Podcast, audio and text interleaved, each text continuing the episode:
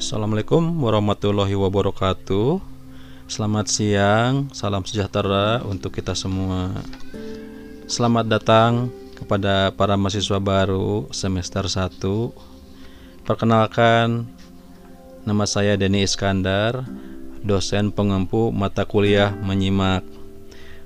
Nah, saudara-saudara, pada kesempatan ini saya akan menyampaikan terlebih dahulu uh, tentang peranan menyimak dalam kehidupan sehari-hari. Mungkin di benak saudara menganggap menyimak itu tidak harus dipelajari. Tetapi pada dasarnya menyimak itu harus dipelajari.